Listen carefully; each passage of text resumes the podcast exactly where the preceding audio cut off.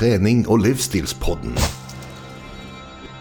En podkast av PT Service fra hjertet i Stavanger. Hei og velkommen til trening- og livsstilspodden. Nå ser jeg liksom ikke direkte inn i kamera, men jeg ser jo da på Anders, da. Hei, Anders. Hei, hei, hei. hei. Se hvordan jeg sitter. Sitter med litt krumma rygg. og Jeg har ikke så voldsomt vondt lenger. Nei, nei du, ja, for du går, rett på skadesymptomene her. Det var liksom ikke noen introduksjon eller noen ting. Hvordan har du det med ryggen din, Det er jo meget. Det er godt innafor mye bedre enn tidligere. Jeg følte jeg satt litt eh, Sist jeg var her, så var det mm. Jeg skulle snu meg litt, men eh, nå kjenner jeg at eh, nå er på plass. Nå, ja, ikke bare har vi plass, men det, det som kanskje folk som ser oss legger merke til, det er at du er ikke lenger vertikal, du er horisontal. Og det er litt kult. ja, ja, det, ja, det alt det der mye av det som er nytt teknisk. Ja, det er jo det der som er problemet. Med en gang ting fungerer, så må jo jeg da også gjøre endringer. Eh, nå har vi heller ikke mikrofoner lenger. Eh, det har jo vært veldig gøy å ha det, men eh, prøve ut litt nytt for oss å se om det kan være en litt mer mobil løsning, dette. da. Uh, men fortell litt hva du har gjort for oss å bli bedre i ryggen. Det skal jeg fortelle. Uh, vi ble jo forrige gang enige om hva, altså, hva kan dette her være. Er det, er det strukturelt, er det muskulært, er det noe senere? Så vi ble vel egentlig enige om at det var sikkert noe muskulært et eller annet. Så har jeg egentlig bare tatt det litt med ro. Jeg har ikke trent helt det som står på programmet, altså oppe i RP8 og 9, eh, men jeg har vært litt roligere på vektene. Bare trent det jeg har kjent det var eh, litt vondt. Og så har jeg bare gitt meg der, og så har jeg trent meg eh, eh, litt lengre økter, da, har det blitt. Og så har, eh, så har det egentlig bare etter hvert gått eh, mer og mer vekk, og nå er jeg fiks ferdig. Nå er du fiks ferdig. Ja, så det, ja. så det, det var rett og slett vært eh, Du har blitt bedre mens du har, du har trent deg inn igjen i vanlig rutine. Og jeg føler jeg har gjort det. Og det, ja, men det, det er jo det som jeg anbefaler folk. Det er jo når en skal på en måte komme ut Se, se hvis en har skada seg, så er det ofte det at da, da får en et signal. Og hvis det ikke er en strukturell skade, at du har knukket noe, eller noe sånt, så er det gjerne mye smertesensorer og mye altså, at eh, kontroll, Kroppen er litt på vakt. da. Og da eh, forhindrer han deg i å gjøre ting. Og da skal du på en måte gradvis tilvenne den, eh, den bevegelsesbanen som du holdt på med. Og det har jo du da gjort, så du sier du har ikke fulgt kiloene. Og det er en sånn viktig ting. Fordi når du har et program, da, så står det for mange så står det at du skal løfte så mye, og så skal du gjøre så mye. Eh, Og ofte så står det RPE. Det er jo da en måte å forklare hvor tungt det skal være. Et RP9-sett vil jo da nesten være maks. Nesten du skulle klart en repetisjon til. Mm. jeg går jo litt sånn da, og tenker I forbindelse med skader så pleier jeg å si da, da tar du en skadefri RPE. Så hva er det du kan løfte uten at det gjør vondt på RP9? da? At du kjenner at liksom eh, du tar litt i, men du da ikke har vondt. Eh, det kan være en måte. En annen er jo da å gå helt av programmet hvis at du virkelig har vondt, og så jobbe det gradvis inn igjen. Eh, og da gjør du jo det med å gå så langt ned som kroppen tillater. Eh, og hvis at du da f.eks. ikke kan gjøre vanlig knebøy, kan du da gjøre luftknebøy, eller må du da holde deg fast? Eh, At hvor langt ned tillater kroppen deg Før, før tilla, kroppen tillater deg å være i bevegelse, da. Og for deg så var jo det, som du sa, litt, litt lenger ned, men ikke helt vekk fra selve øvelsene. Eh, Og så mens du har trent litt roligere, så har du da gradvis kommet eh, inn igjen til, til det. Ja, eh, det er jo øvelser. De øvelsene jeg har nå, er jo øvelser jeg trives veldig godt med. Sånn at jeg, jeg var jo litt redd for at jeg ikke kunne trene dem, men nå heldigvis har det ikke blitt sånn. Vært, jeg, jeg kan trene det fram til sånn som du sier jeg får. Men jeg, jeg trener fortsatt fram til jeg kjenner jeg får vondt. For det at den altså, eh, repetisjonen før jeg får vondt, så vet jeg jo ikke om jeg får vondt på neste. Så det er litt du, du og det, og det, men det, kroppen er ganske smart der. Han, Ja, kroppen er ganske smart der også fortelle litt, være litt var. da. Jeg tror det er Mhm. lurt. og det er heller å bruke litt ei uke for lang tid. Eh, og det, dette her med å treffe targets i program og sånt, og en er redd for at den skal Det er ikke så viktig, altså. Det, det, det er kun viktig hvis du skal løfte så og så mye i forhold til en viktig konkurranse. Men for vanlige folk som trener vanlig, så, så, så bør en alltid prioritere til kroppslige, og så kan en heller fære inn i det strukt, altså strukturen med å trene et program når, når helsa tillater det. Ja, ja, jeg tenker, meg, meg og deg har jo gjort dette her en stund, og jeg, forhåpentligvis så kan jeg gjøre dette her en stund lenger. Og da tenker jeg at jeg gidder ikke rushe meg inn i noen ting som helst. Jeg har veldig god tid. Uh, ikke noe hastverk. Da tar jeg det heller pent og rolig. Og så, men nå, altså, jeg kan jo ikke si ei uke var lang tid. Nei, ei uke var jo minimalt med tid. Eh, men du er jo ikke 100 ennå. Du er, du er, men du nærmer deg 100 og det eneste, det eneste du har gjort, egentlig, det er å redusere litt belastningen. Eh, men fortsatt samme bevegelsesbane, gradvis jobbet deg inn. Så det har jo vært konge. Mm. Ellers så håper jeg du har holdt, holdt deg vekke fra Eiganestunnelen eh, siste? Det har jeg. Eh, absolutt. Det, jeg prøver å ikke ta den så mye som mulig. det, jeg, ja, men jeg, jeg, har jo, jeg bytta stasjon òg. Ja. Så, så, jeg er vekke fra Stavanger nå. Ja, det er når du er i Sandnes i en periode. Ja, når jeg er Sandnes i en periode. Det er lov å si. Det er lov å si, tror jeg. Ja, ja, da, da, da, da kan de i Sandnes være litt tryggere. En liten globetrotter. Ja, globe. Anders er jo da brannmann, for de som lytter med oss på første gang. Så, så, det er klart at det er jo alltid praktisk når han er i nabolaget, for da er du litt sikrere, da.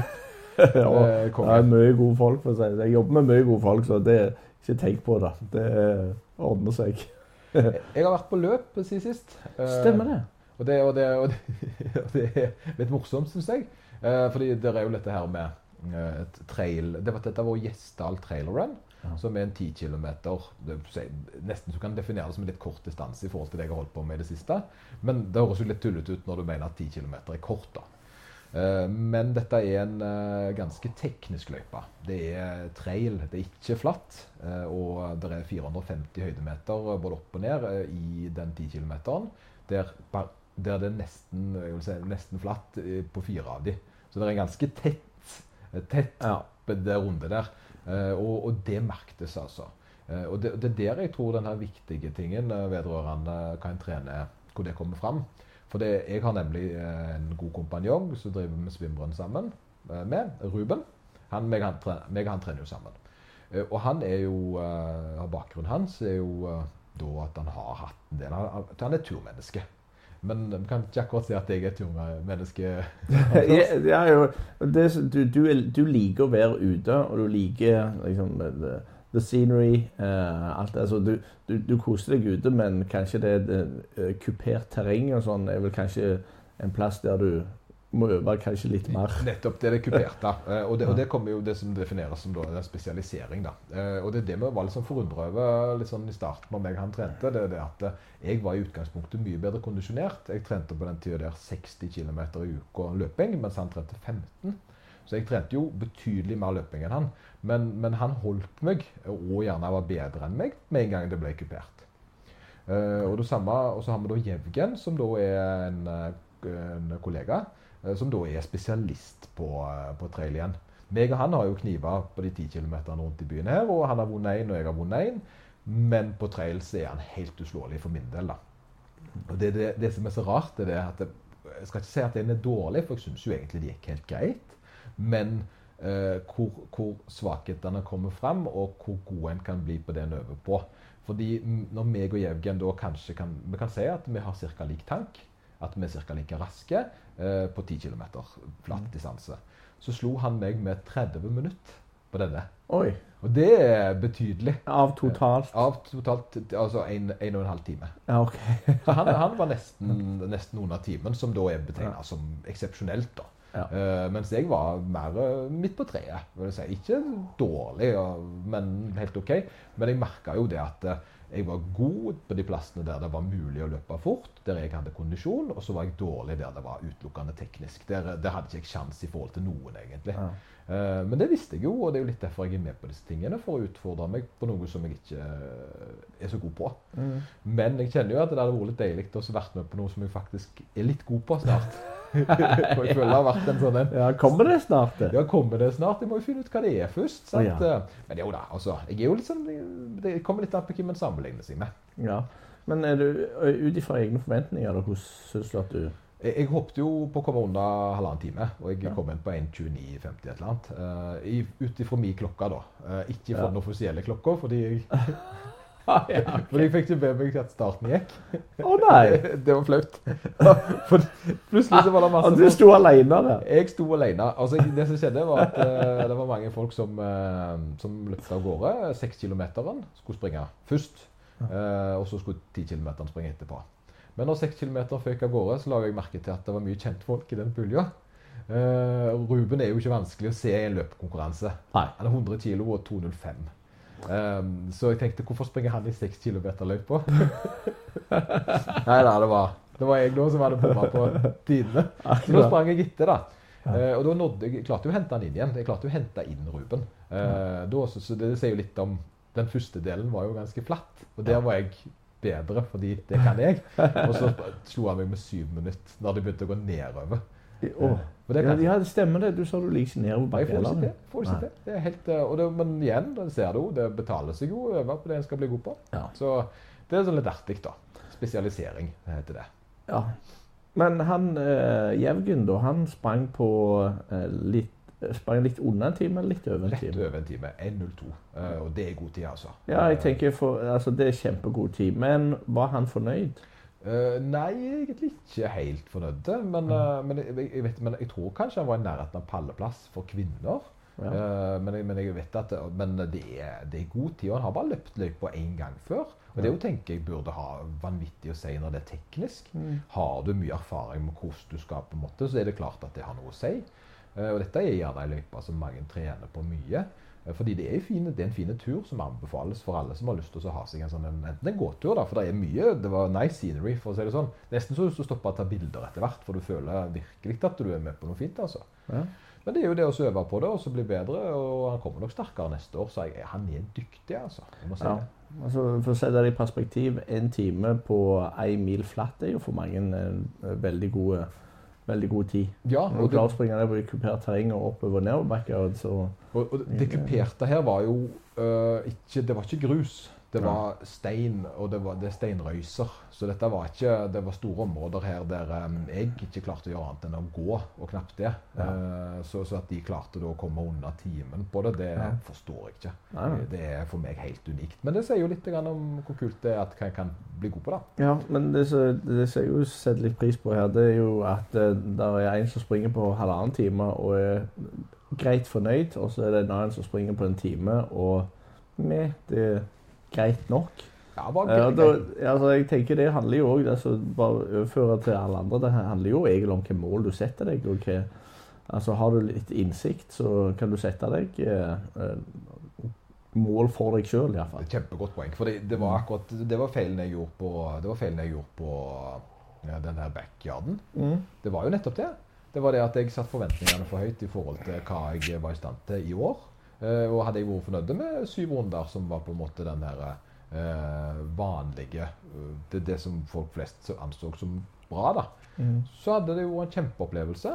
Så det, og det tror jeg er for de fleste, at de må sette det opp i forhold til sin egen kapasitet, og så være fornøyd med det å flytte sin egen grense gradvis. Og det er klart at jeg har jo lyst til å gjøre bedre enn bedre enn 90 minutter neste gang. Men, men jeg har lyst til å gjøre det igjen, fordi det er jo en ganske fin test, og det er jo en god trening det å løpe på denne måten her. Og selv om at jeg gjerne ikke skal bli spesialist på trailløping, så, så, så er det fortsatt eh, mye av dette her som styrker deler av kroppen som jeg får brukt når jeg skal løpe fort på asfalt eller drive med triatlon. Uh, da du kan tenke deg alle disse posisjonene en havner gjør en jo mye mer robust og mindre ska, altså, se, se, Det er en høyere skaderisiko å springe trail, men å tåle trail gjør at en tåler har en mye bedre grunnmur til andre ting. da. Ja. Det, det handler òg litt om det at når du finner en ting som du egentlig ikke er veldig god på Det kan gjelde ved treningssenter òg. Det er en ting du ikke er god på. Gjør den øvelsen der, så er det ikke så vanskelig å fort bli bedre i den. Eh, der er et, sånn andre ting som f.eks. Eh, er det en øvelse, la oss si benkpress f.eks. Du er veldig god i benkpress, så skal der en hel del til for å bli bedre igjen. Altså bare øke det der to kiloet, bare øke det der to og en halv kiloet, når du allerede har kommet veldig langt opp. De to kiloene der er veldig Det tar lang tid. Men hvis det er en ting du egentlig ikke er veldig god på, så tar ikke fullt så lang tid. Og det kan egentlig være med å motivere deg når du setter i gang noe, så på en måte er lettere å få det til det hvert. Og det vil jo hjelpe deg neste gang, hvis du har lyst en gang til. Så jeg tenker jo Ja, jeg, jeg, definitivt. Og det er jo litt fordi jeg har nettopp satt eh, Jeg, var, jeg, satt 90 minutter som noe jeg skulle være fornøyd med, og, og når jeg da klarte det, så nådde jeg på en måte inn forbi.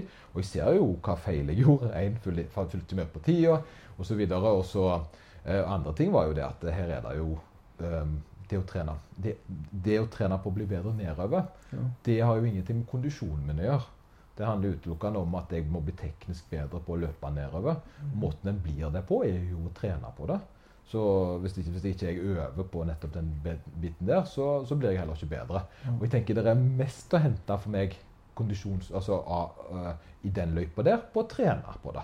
Og det, og det, det kreves da at jeg skal bli Istedenfor at jeg, jeg har, må bygge opp en bedre kropp, da, så må jeg bli øve på å bli teknisk flinkere til å forstå hvordan en skal gjøre det med kroppen sin. For det er jo det at når du blir litt keitete og ikke helt vet hvordan du skal sette føttene, så, så, så går det sakte, og så blir en litt stressa, og så gjør en, eh, en blir litt, litt unødvendig forsiktig. da. En har på en måte ikke helt forstått hva som er rett for seg å gjøre. Hvordan er konkurranseinstinktet ditt? Det er gale, Mathias. Oh, ja. Anders. Eh, Det, det er det som er problemet. Eh, Jeg har jo jeg har jo et konkurranseinstinkt som slår inn på absolutt alt. uh, og det er jo litt av det som er problemet mitt. og Det er jo derfor jeg er med i absolutt alt som er av konkurranser. For jeg får et lite, da får jeg litt ut der. For det, alle trenger jo ikke å være med på alt jeg er med på. Men for meg så er det ganske godt, fordi da har jeg noe å se fram til. Og så får jeg på en måte fokusert alt der. Ellers så blir det um, uh, Det er ikke noe som ikke det, Men jeg, jeg kan ikke huske jeg alltid har vært sånn. Eh, Men jeg, enten eller så har jeg alltid vært sånn. Det er litt usikker på det. Men jeg merker at når jeg Altså, det er førstemann det førstemann til alt. Ja. Eh, og, og, og jeg ser nok eh, Til og med når jeg sykler hjem fra jobb så, så og, Men du ville tro at jeg var alene om det, men, men jeg pleier jo å få ganske god kamp blant de der syklistene rundt meg. Ja, jeg, er ikke er alene om å prøve å komme først Er til sikkert ikke. rundkjøringa, for å si det sånn. Konkurrerer du med de med elsykkel òg, da? Ja. men de, de, de tror jo de er med i konkurransen.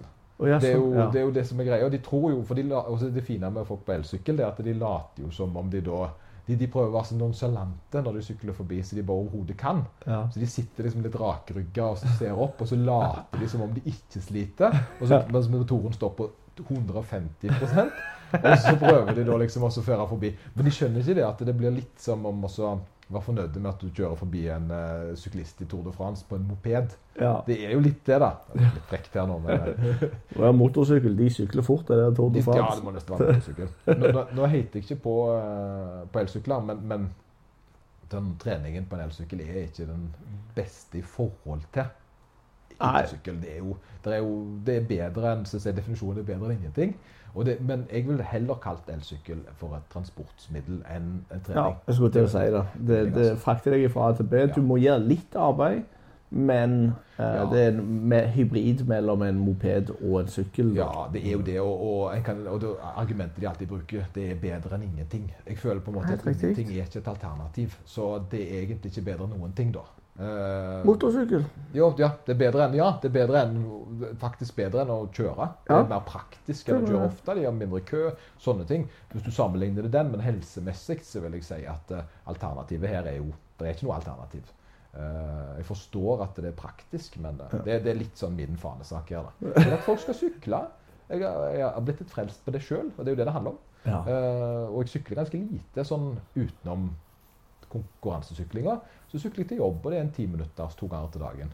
Det, det er ikke mye, men det, det er nok. Jeg vil sagt det var nesten nok for folk flest i forhold til å få Altså det er en god base for folk flest. De 20 minuttene jeg får til dagen bare til, til å få jobb på en vanlig sykkel, det er masse trening. Ja, nå har ikke jeg lest noe statistikk, men uh, det, Jeg vet ikke hvor mange som har ti minutter jobb med sykkel.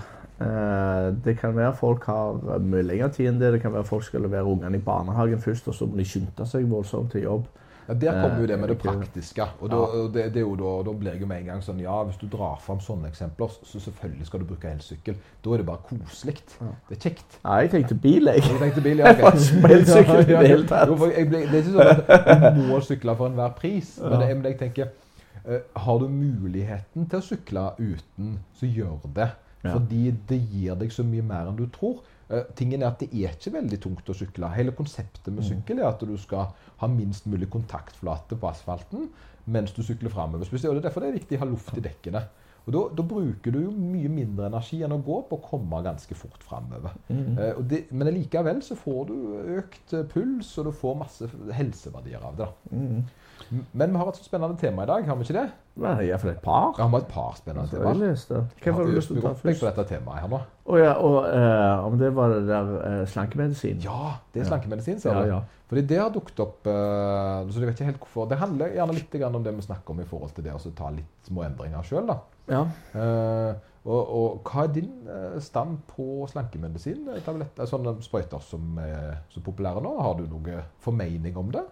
Altså for meg det, for, for en stund siden så snakket vi litt om eh, altså, mye forskjellige medisiner. Vi har snakket om forskjellige typer trening. Eh, og det er alltid nye ting er det ikke veldig mye forskning på. Sånn at eh, jeg er litt sånn Jeg liker godt å sitte på gjerdet og kikke. Og så ser jeg etter hvert når de her metaanalysene kommer, eller når studiene kommer, hva er det de sier. Eh, Det er sånn som det som du eh, det som vi har snakket om her, altså Vegovi eller eh, de, den slankemedisinen.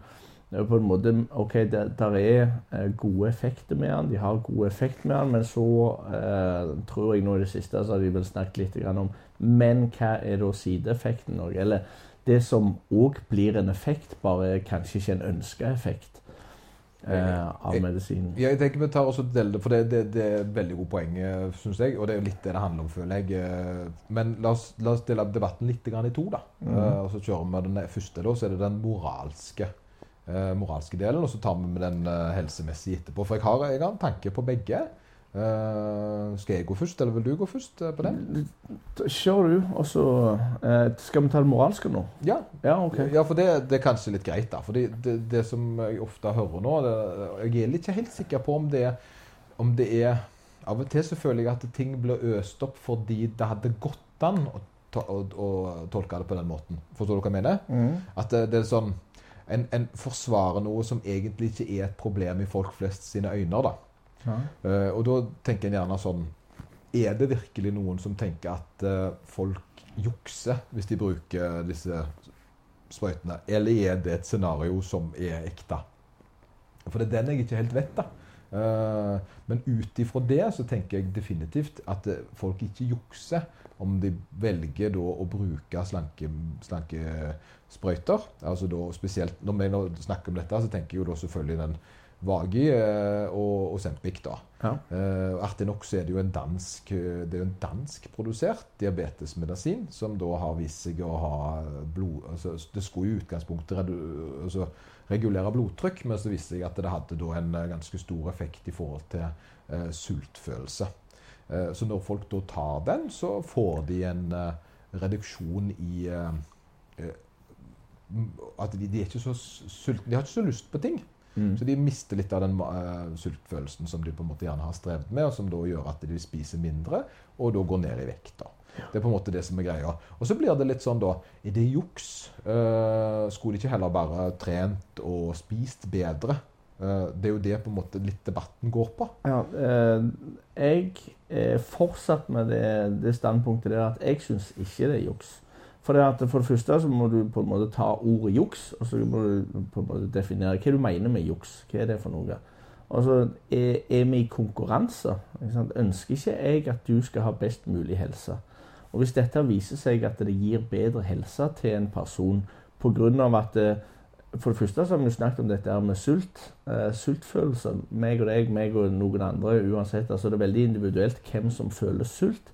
Eh, hvor, sulten blir den, den personen. Hvis de tar den, denne medisinen, ikke føler seg sulten, endrer kostholdet sitt, så er, så er fortsatt det med å bidra til en vektreduksjon og forhåpentligvis bedre helse. Hvis det blir en bedre helse, så er det bedre for, altså, det er bedre for alle. Altså Den personen det, eh, som får bedre helse, eh, sannsynligvis så vil dette koste mindre, altså med utfordringer på sykehus og sånn. De betaler for det sjøl. Uh, Ja, ja. Og, det, og det tenker jeg jo litt grann da, fordi at det, det, som, det som jeg eh, ser da, det der, jeg tror, jeg husker ikke helt tallet, men det er godt over 200 milliarder uh, de regner med at eh, overvekt koster det norske samfunnet i forhold til uh, sykdom, i forhold til operasjoner, i forhold til helserelaterte eh, situasjoner som oppstår fordi en har en overvekt. da. Eh, og dette er jo sånn samfunnsmessig og kanskje positivt fordi det reduserer det problemet, som da økonomisk Jeg føler jo gjerne litt sånn at det er, at det er litt utspekulert å selge det så dyrt. For det at å la da folk som trenger det i gåseøynene, eh, betale det sjøl pga. skam. Jeg føler det rett og slett kan oppleves litt som at du må betale den summen fordi du ikke får det til. Eh, er du med? At det er Nesten 3000-4000 kroner i måneden på et ja. produkt fordi du kunne jo bare spist bedre og trent bedre, men siden du ikke er syk nok, så får du det ikke gratis. Men du er ikke frisk nok til å klare det på egen hånd, så kan vi hjelpe deg med å gi det til deg mot at du betaler det sjøl. Ja. Og sånn sett så går det jo ut av da utgiftsposten i, i den norske staten og dyttes inn i samvittigheten til folk. Og det syns ikke jeg egentlig er greit. da. Uh, nei. Uh, men på, på, den andre sida så uh, Jeg vet ikke hva det handler om. All prissetting og hvor kommer den fra, det vet jeg ikke. Så det kan være altså, at markedet styrer prisen, den må være sånn. er det mye billigere, så vet jeg ikke hvor altså om de hadde klart å møte eh, demanden, holdt jeg på å si. Ja, og så Bare for å si det, da, at det er selskapet som, eh, som eh, lager Osempic i Danmark. Mm. For de har jo alltid sagt det at Norge har oljefondet, eh, Sverige har Ikea, eh, og nå har danskene dette. Ja. Og det er større enn nasjonalt bruttoprodukt på, i, i Danmark. Eh, og det er større enn Disney og Coca-Cola blitt. Ja. Så dette er en enorm Det blir bare større. Ja. Det, det, akkurat denne greia der kommer til å bli større.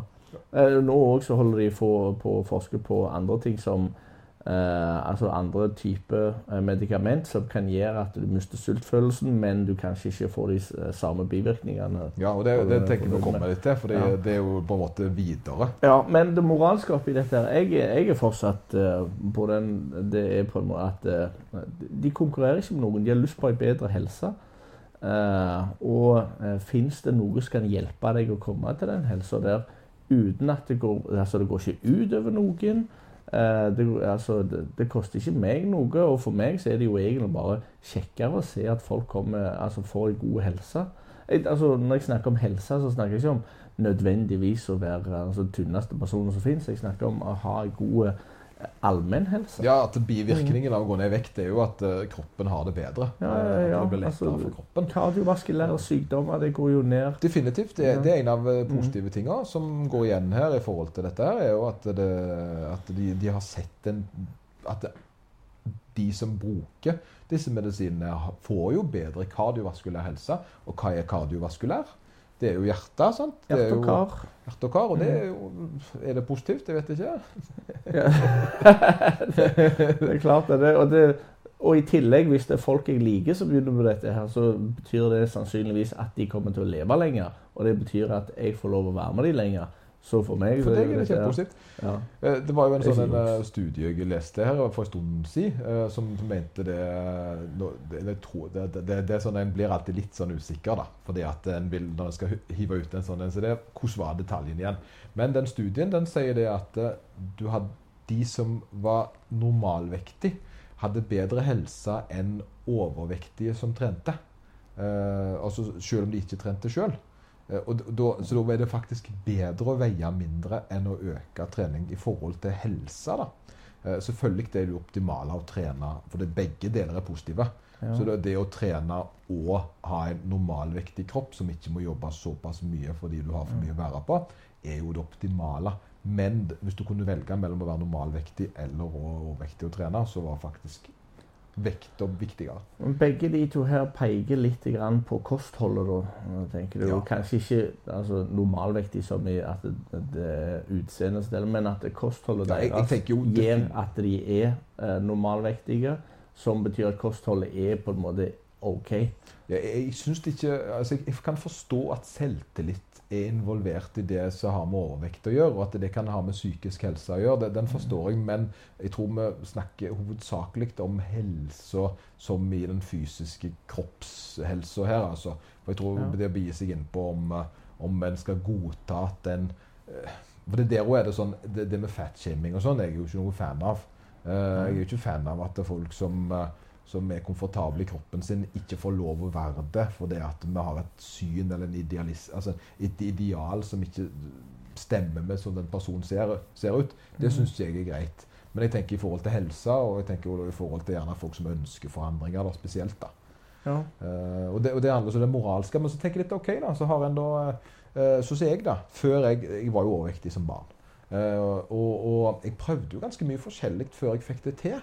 Eh, og jeg prøvde dietter, jeg prøvde å trene, jeg prøvde alle mulige greier egentlig, jeg, som, på, på, på, som påståelig og på et eller annet skulle ha en eller annen effekt.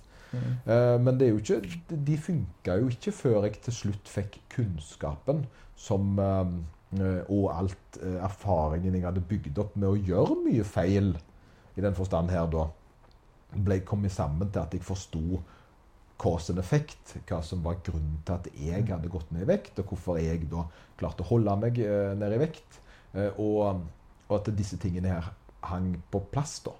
Eh, og jeg tenker jo det at eh, i forhold til den medisinen her, så, så, så er det jo det med bivirkninger som er kommet frem da. Men eh, vi kan jo gjerne være enige i først og fremst. Det virker som om vi har det samme synet om at eh, altså, folk lyst til å prøve dette greiene her, og som, som, som trenger de i, i en eller annen grad, da, vil jeg tenke. En skal Ja. ikke gjøre det fordi en skal gå ned et par kilo, på en måte. For det, det tror jeg er litt sånn uh, skyte spurv med kanoner, som det heter så fint. da. Det er visse tilfeller der det faktisk er greit å bare si uh, mer fokus på kost eh, og, og, og trening. At det er løsningen her. Jeg tenker også, Hvis legen gir beskjed om at dette kan være en god idé, så tenker jeg OK, hør på Ja, men legen, men der har du igjen, Ja. legen, men legen, legen gir det kun på blå resept hvis du har uh, veldig høy overvekt og følgesykdommer.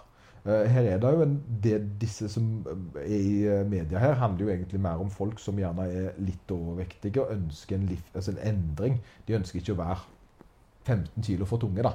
Istedenfor de som er 50. For det er på en måte de, de, de- de får det jo gratis dekka. De får det på hvit resept, og så får de, må de betale den sjøl. Mhm. Det er jo de jeg tenker at eh, folk som da gjerne ønsker en eh, forandring i den forstand. Det som er, eh, det er at jeg har hjulpet en del folk med kosthold opp igjennom. Jeg har brukt min metode på det. Og min metode har jo da vært å lære opp folk på kost. Rett og slett forklare dem hva som skjer hvis du spiser riktig.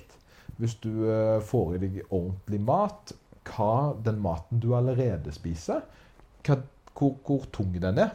At er- Istedenfor å gi dem her en slankeoppskrift som du kan fylle, altså for det er underskudd, og så går du ned i vekt, Mm. så får de da eh, så sender de meg hva de har spist i løpet av en uke. Så går jeg gjennom det sammen med dem og forteller dem hvor mye det er, hvordan en kan endre på det for å komme fram til et bedre alternativ for dem. Sånn at det, det jeg da gjør, er jo å lære dem opp i hvordan kroppen deres fungerer, og hvordan de kan møte målet sitt på lettest mulig måte, istedenfor å endre seg sjøl 100% For det kommer ikke til å fungere. Du kan ikke bare si at nei, nå skal du gjøre alt annerledes. For da vil du være midlertidig, og så vil du vende tilbake igjen til det. da. Og Det har jo vært en løsning som har fungert ganske bra på veldig mange. For det som skjer da, det er at da lærer de seg eh, Å ja, og det henger sammen sånn, ja. At hvis jeg eh, har smør på brødskiva eller majones eller Å, jeg visste ikke at det var så mye kalorier i det. Jeg visste ikke at alt jeg spiste her var egentlig veldig energirikt. Jeg trodde bare det var sunt. Mm. Det er en sånn ting jeg får igjen. Mange da, de ser dette, og så ser de Oi, jeg har bare tatt litt feil valg, jeg. Og så begynner de også å endre på valgene sine og forstår konsekvensene av hva de har puttet i munnen sin. Så kutter de her og der, så går de ned i vekt. Det er jo en person som bare trenger kunnskap. Og det, det, men disse problemene er at det er jo ikke alle. Den andre sorten av mennesker som har det mye verre, det er de som tilsynelatende forstår alt dette. De skjønner hvordan hele verden fungerer. De forstår kost, de er eksperter på det. Men de klarer ikke å la være. De har et søtsug som går over fornuften, og gjør at de da eh, mer eller mindre både, altså, Kall det straffe seg sjøl med å spise ting de ikke burde. De klarer ikke å, å møte seg sjøl der de vet de burde være. Det er jo de personene der som gjerne da velger å gå på denne som en form Det for virker jo som en grense over til en eller annen form for avhengighet. ja, ja, ja, jeg kan si det. Og det er det som jeg ser. Da, det, det, det, her er det jo mange da, som, som selgere for, her, eh, for disse produktene. Da. De, de sier jo det at ja, vi mennesker er skrudd sammen eh, sånn at vi, hvis vi prøver å gå ned i vekt, så går vi bare opp igjen i vekt og sånn. At du på en måte har en sånn Resett-knapp som du da går tilbake til, da. Det er ikke jeg enig i. Eh, det handler veldig mye om rutiner, vaner og atferd. Mm, Og at de aldri blir mette. Det er vel egentlig det de sier. Men det er ikke sant. Folk blir mette.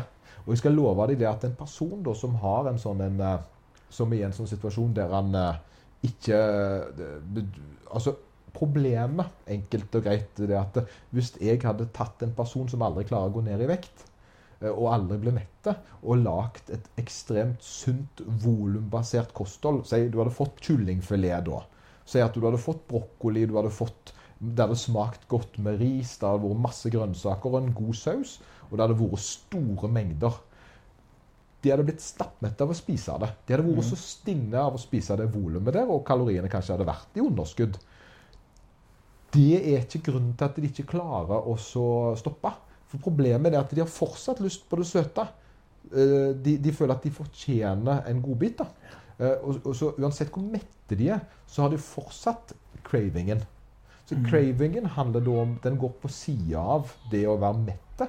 Uh, den går på en måte på den belønningssystemet i hjernen. Og det er jo det en ser mer og mer av, at dette er jo mye mer psykologisk enn det er da helt, og du spiser bare ikke nok brokkoli. Ja, ja. ja. Eh, og det er de menneskene her som får vanvittig god effekt av disse produktene. For det plutselig så har de da et produkt som stopper de å få den skrikende snopegreia. Og så vet de kanskje at de skal spise det og det og det, for det er bra. Så blir det lettere for de å prioritere. Ja.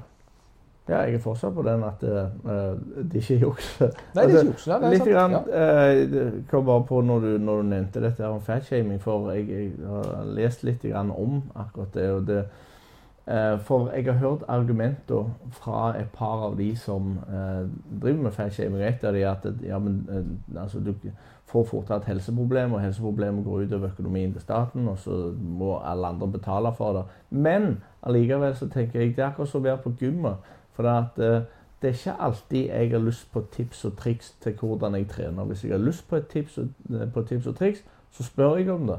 Hvis ikke så ber jeg folk om å tie fint stilt. Ja, ja, det det samme gjelder sikkert folk som har eh, altså, vektproblemer òg. Eh, eller noe som de eh, er fornøyd med eller ikke fornøyd med.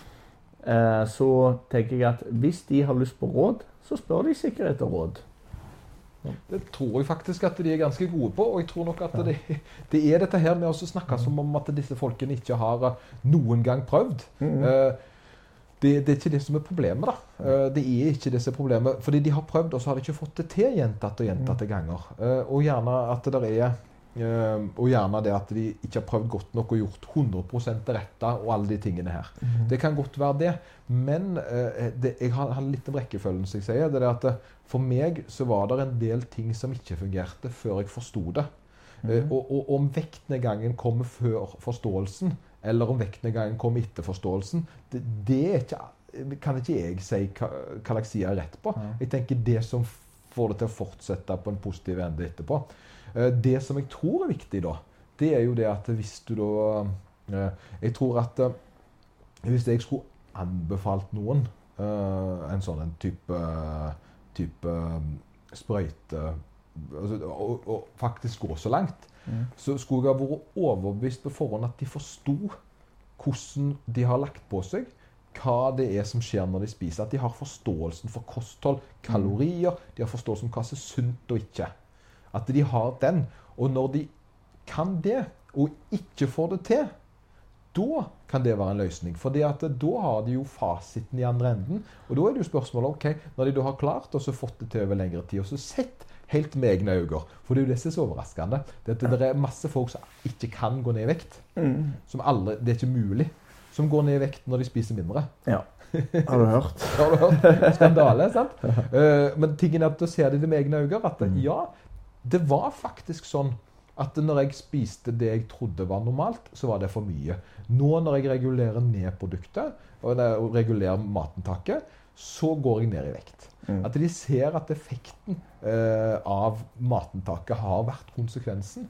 Det er, for det er jo ikke sånn at det, det gir deg en ekstra vektnedgang, den her eh, du, du får jo ikke en eh, Nei, altså det er jo det, det er akkurat det samme. Altså eh, Medisinen det er ikke den i seg sjøl som gjør at du går ned i vekt. Det som gjør at du går ned i vekt, det er jo et eh, frafall av kalorier. Altså at du, du spiser mindre pga. Ja. at du ikke er så sulten. Sånn at, eh, og spiser du mindre kalorier enn det du bruker i løpet av en dag, så går du ned i vekt. da. Og det er akkurat det samme som skjer om du bruker medisin, eller om du ikke bruker medisin. Hvis du spiser mindre enn det du eh, bruker, så da går du ned i vekt. da. Ja, det er jo, det er jo til syvende og sist så enkelt, men problemet er bare det at eh, du kan si det til en person uh, som på en måte alltid har uh, som forst- og Så lenge han forstår det, og, det, og ikke klarer at den Han kommer ikke rundt den. Uh, litt av problemet, da, det, det er det, sånn som disse medisinene fungerer. Og det er jo den norske varianten. Den hos, eh, for da er Osempic som er den amerikanske Hollywood-varianten. Men så har vi den norske da, som heter Vagu, eller hva heter det for noe? Vagovi. Ja, for eksempel. Den, eh, den eh, har jo da eh, Den har jo et virkestoff som heter semigluten, ikke semiglut, eller noe sånt, som Ja. går inn på bukspyttkjertelen, og det er jo det som skjer at den stopper da den sultfølelsen, den regulerer ned sultfølelsen. Så det virkestoffet er jo likt. Ja. Eh, Det er jo det virkestoffet som på en måte gjør Uh, effekten her. Det er ikke noe som den gjør utrolig med maten. Han gjør ikke at kroppen ikke tar opp maten. Han går inn til det som regulerer da uh, lysten du har på mat, og senker det. Mm. Og det er konseptet med disse medisinene her. Så det som er greia da, at når du plutselig har mindre lyst på ting, så spiser en mindre. Veldig enkelt. Problemet her er jo da bivirkningene. Uh, og bivirkningene har jo kommet mer og mer tydelig fram. da. Uh, og der er det noen ting jeg tror uh, en kan ordne på, som jeg, jeg, jeg kan forstå hvordan en kan fikse. Så har vi de andre som er litt mer alvorlige. da. Og det som skjer nå, dette nyere studier, det viser det at eh, som, eller de, som sitter, de har gått igjennom her nå, de har gått igjennom sånne eh, observasjonsstudier på dette her, og så, og så har de funnet ut at eh, det er mye betennelse i bukspyttkjertelen. Faktisk over fire og en halv gange mer enn det som er normalt. Og det er høyt. Ja. Og bukspyttkjertelen den er ganske viktig. Jeg har forstått at hvis du får problemer med den, så, så sliter du. Det er ikke, det er Ja. noe, det er ikke noe vi vil ha. Nei. Eh, Så der er det, det, så det er en ganske alvorlig eh, bivirkning en kan få, og det er da kalkulert faktisk at det er nesten fem gangen, altså fire og en halv gangen vanlig da.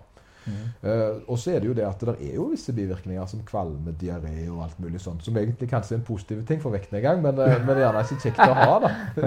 For det er jo folk som rett og slett blir nesten vandrende zombier av disse produktene her. De går Mhm. bare, blir helt sånn uh, tullete. Er det katten som setter i gang?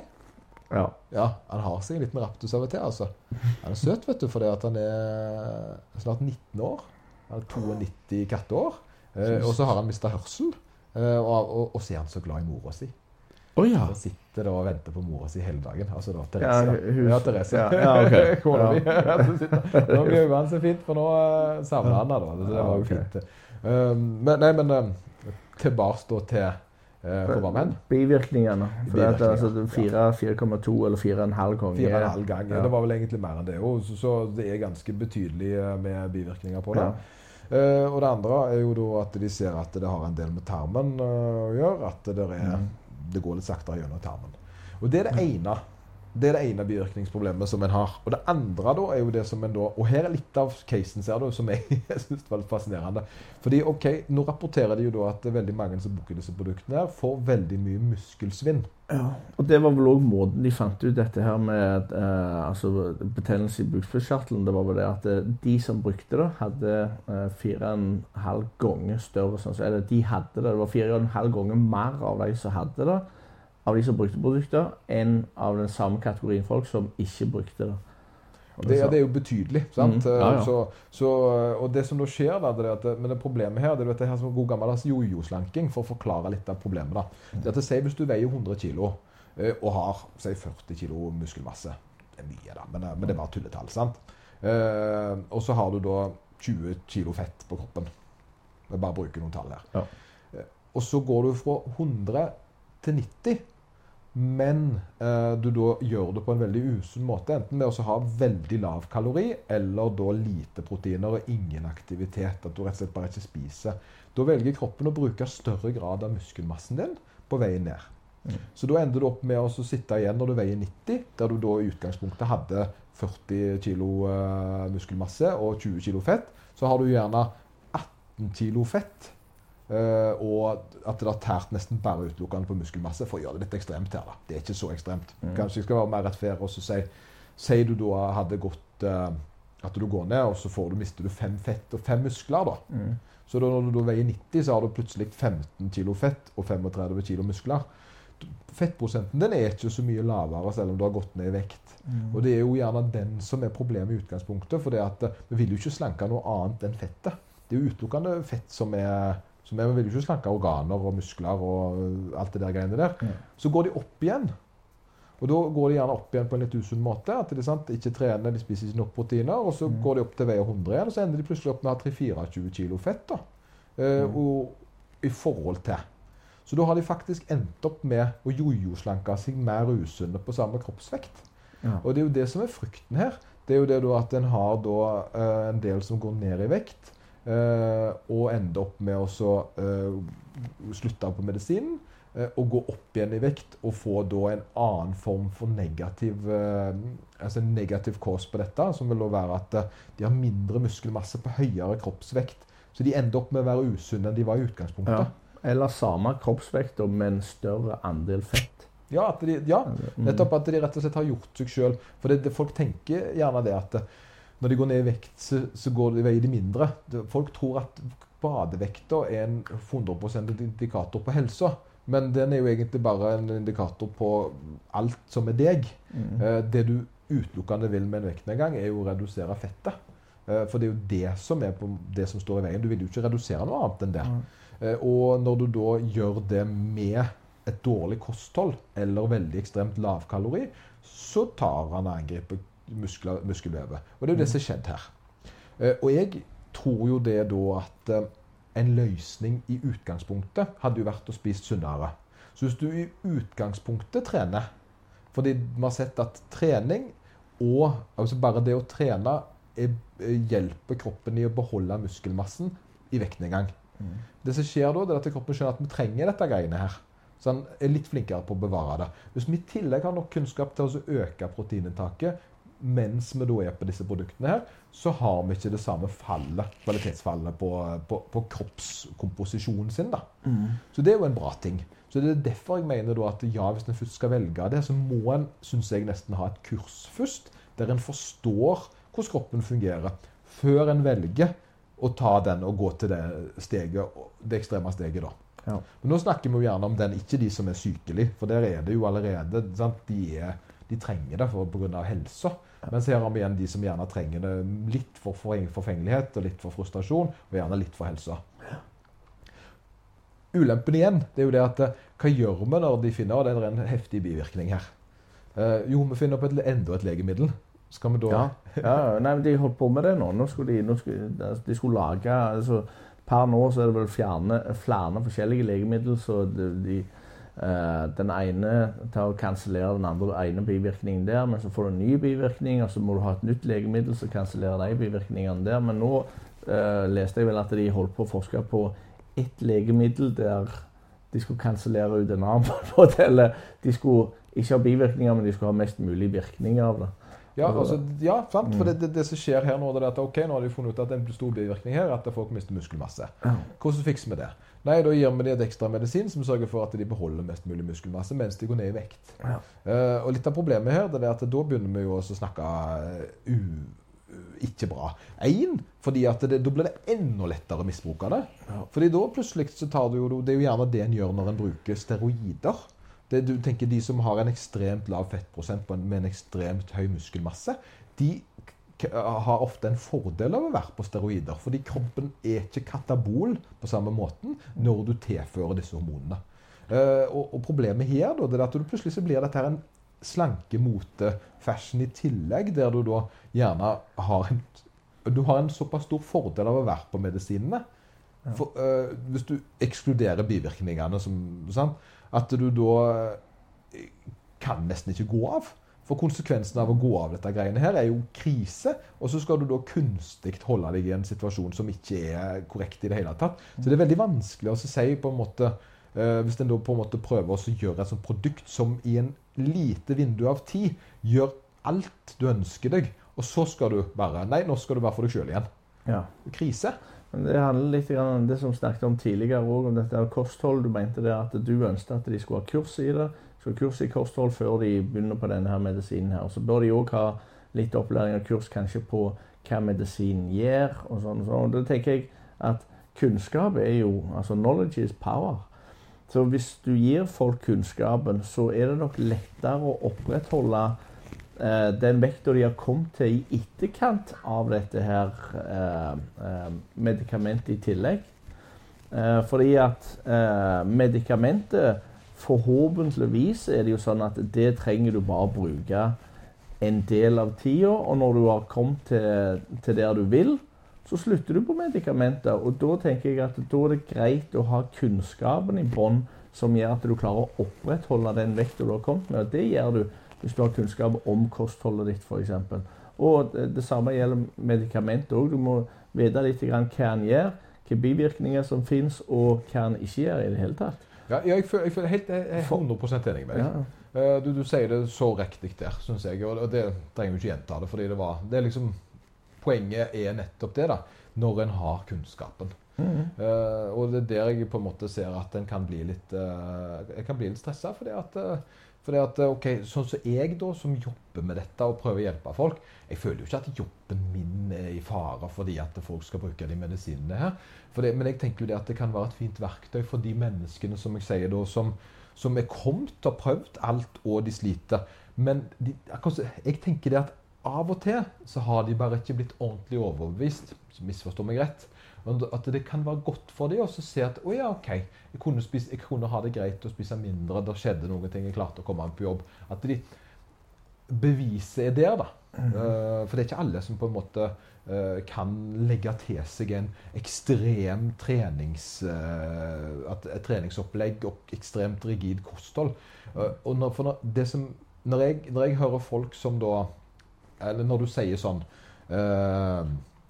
Og folk veier det de veier, og at de detter litt tilbake til den vekta Da tenker jeg sånn Hvis, ja, hvis, dette, hvis dette din hverdag Eh, består av 5000 steg til dagen. Gjennomsnitt. Og fire brødskiver eh, per gjennomsnittsmåltid. Så vil du alltid, hvis du vender tilbake til fem og fire på den måten der, eh, ende opp i den samme situasjonen. Men med en gang kunnskapen endrer seg, og en ser at ok, hvis jeg øker aktivitetsnivået, så kan jeg gjerne enten spise de fire brødskivene, eller hvis jeg ikke går mer, så må jeg redusere tre. Hvis de begynner å forstå hvordan det henger sammen, og klarer å få et mer objektivt eh, innblikk i eget kosthold, da, mm. så begynner det å bli litt sånn Da kan de endre seg ut av den. Og da er det ikke lenger en sånn Resett-knapp. Det handler mer om vanen. At det, Forståelse for sin egen vane. At når den endres. Uh. Og jeg synes jo det, så, så For meg da, så har jo aktivitetsnivået skutt i taket nettopp fordi jeg har funnet meg nye interesser. Hvis jeg hadde gjort det samme som jeg gjorde før, så hadde jo jeg veid det samme som før. Det betyr jo ikke at knappen min er stilt inn på en spesiell vekt. Det er jo bare tull.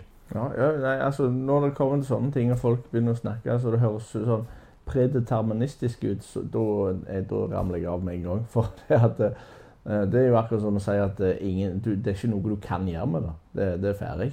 Og da, da er ikke jeg på lag med en gang. Er, for jeg vet at det, det er mulig å gjøre eh, endringer, og endringene vil føre til et eller annet. Men det er sånn som du sier, hvis du eh, ikke gjør en endring, så, eh, så, skjer det ingenting heller. da. Hvis du går på det samme kostholdet i etterkant av eh, et eller annet, Si du har gått ned i vekt. Jeg tenker Da har du eh, et nytt sett med kalorier du må forholde deg til, enn det du hadde tidligere. For en person som veier 50 kg mer enn meg, har, eh, har, et annet inntak enn det jeg har for å opprettholde de 50 kg mer enn det jeg har. Så hvis jeg hadde gått opp og spist like mye som en person som er 50 kg mer enn meg, så hadde jeg endt opp på samme vekt som han, og så hadde jeg holdt meg der. På grunn av, altså med, hvis man har samme aktivitetsnivå og alt det der. Ja, du hadde det. Ja, nettopp. Ja. Det, det, det, men du ser hvis, for eksempel, hvis du nå hadde spist Du hadde sagt ja, du skal få 10 millioner av meg da, hvis du klarer å spise deg opp til 130 kilo. 1000 cash, du får ett år på deg. Eh, sant? Eh, da hadde du jo Det hadde du jo klart. Jeg skulle klart. Eh, Men når da du hadde fått pengene, og da tror jeg du hadde ramla ned igjen til den vekta du nå veier, basert på at du hadde jobbet deg inn i de normale vanene dine igjen. da. Eh, Det var ikke sånn at du plutselig da hadde låst og satt et bilde på 130, at du er en 130-person. For det, det er litt sånn Og jeg tenker, det er så rart da, at ok, en skal bygge større muskler. En kan bli bedre å løpe, en kan lære seg flere språk, en kan bli bedre på å danse, en kan bli bedre på alt mulig. Bortsett fra den ene tingen som dessverre er litt sånn, det er at det, det du veier, det veier du. Bortsett fra at du kan veie mer. For mer kan du tydeligvis veie. For det er disse problemene da, det at Hadde den logikken ha stemt, så hadde vi jo holdt oss litt på den samme vekta. Men det, vi stiger jo i gjennomsnitt. Ja. Sånn uh, menneskelige Altså Norge så øker jo kroppsvekta for hvert år. Ja, I gjennomsnitt så, så gjør vi det, men du ser òg at de som tar i et tak og gjør et stykke arbeid, de kommer seg ned, og de forblir der. Med den rette kunnskapen. Det det. Nå har du funnet på noe. Det som jeg bare pugger litt tall, så jeg ikke gjør feil her. For det, at, oh, ja. eh, for det er litt sånn, Bare for å få gi en liten sånn, en liten sånn tis til folk, da. Og dette var litt gøy, for dette fikk jeg av ei, ei kule dame. Og det, jeg, hun er det. Hun er ganske kul. Eh, Hun sendte dette her til meg i dag. Og det var ikke derfor hun er kul, hun er kul generelt. Og hun løpte trailen på 1.03, eh, mener jeg det var. Oi. Personlig rekord der. Og dette eh, hm? Pall? Eh, Nei, femteplass. Oh, ja, okay. uh, Men det er ikke det hun er best på, for hun er bedre på lengre distanser. Ah. Så 10 km er litt kort for hun. Hun best når det er 50-60 km. Ja. Så en veldig dyktig dame. Uh, hun føler at du ikke klarer helt å gå ned i vekt nok. sånn som det. Eh, og hun har slitt litt med at hun har spist At hun har følt at hun har spist litt for mye sjokolade. da. Okay. sånn, sant? Ja, ja. Uh, og så litt med det KSO-effekt og sånn. Så har hun jo skjerpa seg, uh, kall det hva du vil, og så fått litt forståelse for det, ryddet opp. Det blir knallbra. Ja. Og hun er råflink på det. Og så sendte hun meg en sånn liten liste i dag som hun hadde funnet på, på, på legekontoret her. Uh, og det var liksom litt sånn, sånn fine påminnelser til folk som jeg pleier også å si. Det, dette lærte du meg en gang, Anders. Og det var det at uh, du drikker ikke melk, f.eks. Og det var litt sånn Herregud, drikker du ikke melk? Det er jo livets eh, vann og diverse. Men så fant jeg ut vet du hva, jeg skal slutte å drikke melk. Jeg er sikker på at uh, det for meg å slutte å drikke melk gjorde at jeg gikk ned syv kilo. Eh, fordi det var, jeg drakk mye melk. Uh, og jeg gikk over til sukkerfritt istedenfor, eller vann. Mm. Og, det, og da, for en liten sånn en, og det, denne lista som jeg fikk her nå, da, den beskriver nemlig sånne ting. Den beskriver f.eks. at hvis du drikker to dl eh, appelsinjuice til dagen, Ja. eh, og kutter ut det, hvis det er daglig, så, så kutter du ut 80 kalorier til dagen, som tilsvarer over 4 kilo i året. ja. Det er hvis du kutter ut uh, ett glass med jus. Mm Eh, og hvis du kutter ut ei spiseskje med majones til dagen, Anders 4,7 kilo. ja, ja. Det er, og, det, tenker, og det er ganske mange. Så det, tenker, det, der har du det med For det som folk gjør, da, som jeg syns er så festlig, det er at eh, jeg skal slanke meg. Jeg kutter alt jeg liker best i verden. Ja. Og så glemmer de også å se på disse her som gjerne ikke er så nødvendige. Uh, og så tenker de at det, For det betyr jo ingenting. Uh, det er jo dette her med så Hvis du fjerner sånne småting som det, sånn som blåbær, sylte, osten Hvor mye ost har du på Hvor mye ost har du på skiva di, Anders?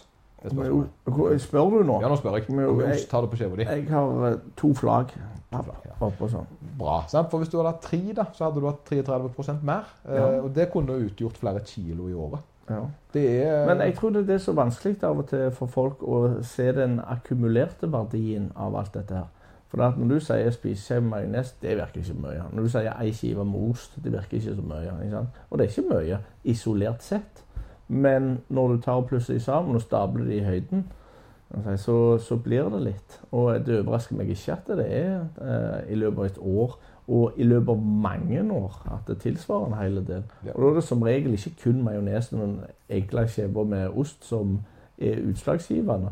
Altså det, det, alt andre òg i tillegg. Det, det er det. Og det, litt av greia her er det at det er veldig vanskelig å slutte med noe. Eh, det er mye bedre å erstatte det med noe bedre. Ja. Det er jo det som er min uh, fanesak. da. Men jeg kan f.eks. ta melk. da.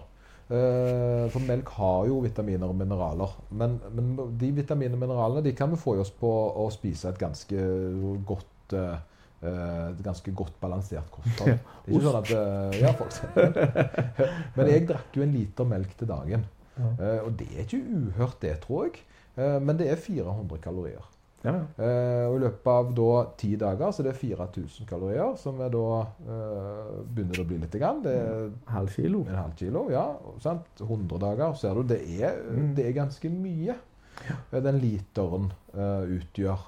Hvis den da klarer å erstatte det i noe som ikke enten er halvparten så bra, eller dobbelt så bra, eller sånn som jeg gjorde. Jeg bare kutta alt ut av den arten og bare drakk vann istedenfor. Mm. Og, og vann og brus, da, selvfølgelig. Altså brus. Men jeg liker, liker godt egen måten òg det ble gjort, på, eller iallfall sånn som du gjør det, der du eh, ikke går vekk ifra kostholdet ditt, men reduserer det. Og så ser du på de på en måte, de tingene som er enkle å erstatte. Ta så Erstatt den, og så forsvinner den. For det at jeg tenker hvis du skal eh, omorganisere hele kostholdet, alt skal vekk, og så begynner vi på ny igjen. Her har du en grønn shake med et eller annet, ta og drikk den. Så det, det kommer ikke til å vedvare. Og hele poenget må jo være at den, det du holder på med nå, det er på en måte en livsstilsendring. Den skal vare en stund, den. tenker jeg. Og da er det bedre altså, å gjøre sånn som du gjør, tenker jeg. Og sånn som altså, du lærer folk opp å gjøre. Altså, ja, Kunnskapen til syvende og ja, sist. ja. Men så, da, så, så har en alle disse faktorene her, og så må en da på en måte sette seg inn i da, tenker jeg, alle bivirkningene og problemene en eventuelt får, fordi en eh, Om det er verdt det. Økonomisk er det verdt det. Eh, og, og det er alle disse faktorene som spiller sammen. da. Og jeg tror det er det litt det, i hvert fall, Jeg føler iallfall det er mine to cent i denne saken her, da. ja. Jo, jo. Altså, de, det, altså jeg er jeg er fortsatt Det, det er ikke juks, for det, er ikke noen konkurranse, dette her. Eh, og så er jeg altså, det som vi har snakket om.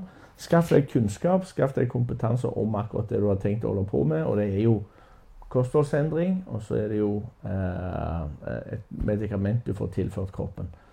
Har du det, så golden da i mine øyne. Sky's the limit. Ja, ja, Skal vi runde av der? Anders? ja, jeg tror det. Ja, for jeg må, jeg må på jobb. Og du Ja, skal jeg, hjem. jeg, nei, jeg skal, ikke, jeg skal ikke hjem. Nei, du skal Jeg skal være instruktør nå. Oi, oi, du skal Ja, på jobb?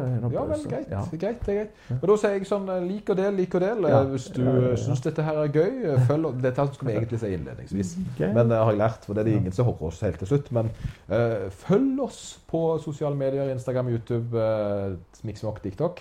Eh, og eh, trykk gjerne sånn liker, men òg abonner. Uh, det kommer jo mer eh, fra denne kanten her, vet du. Ja, ja. Eh, og så håper jeg at dere satte pris på det vi har å si, og at det var noe kjekt herifra. Så eh, god helg, Anders. God helg. Bra. Gitt.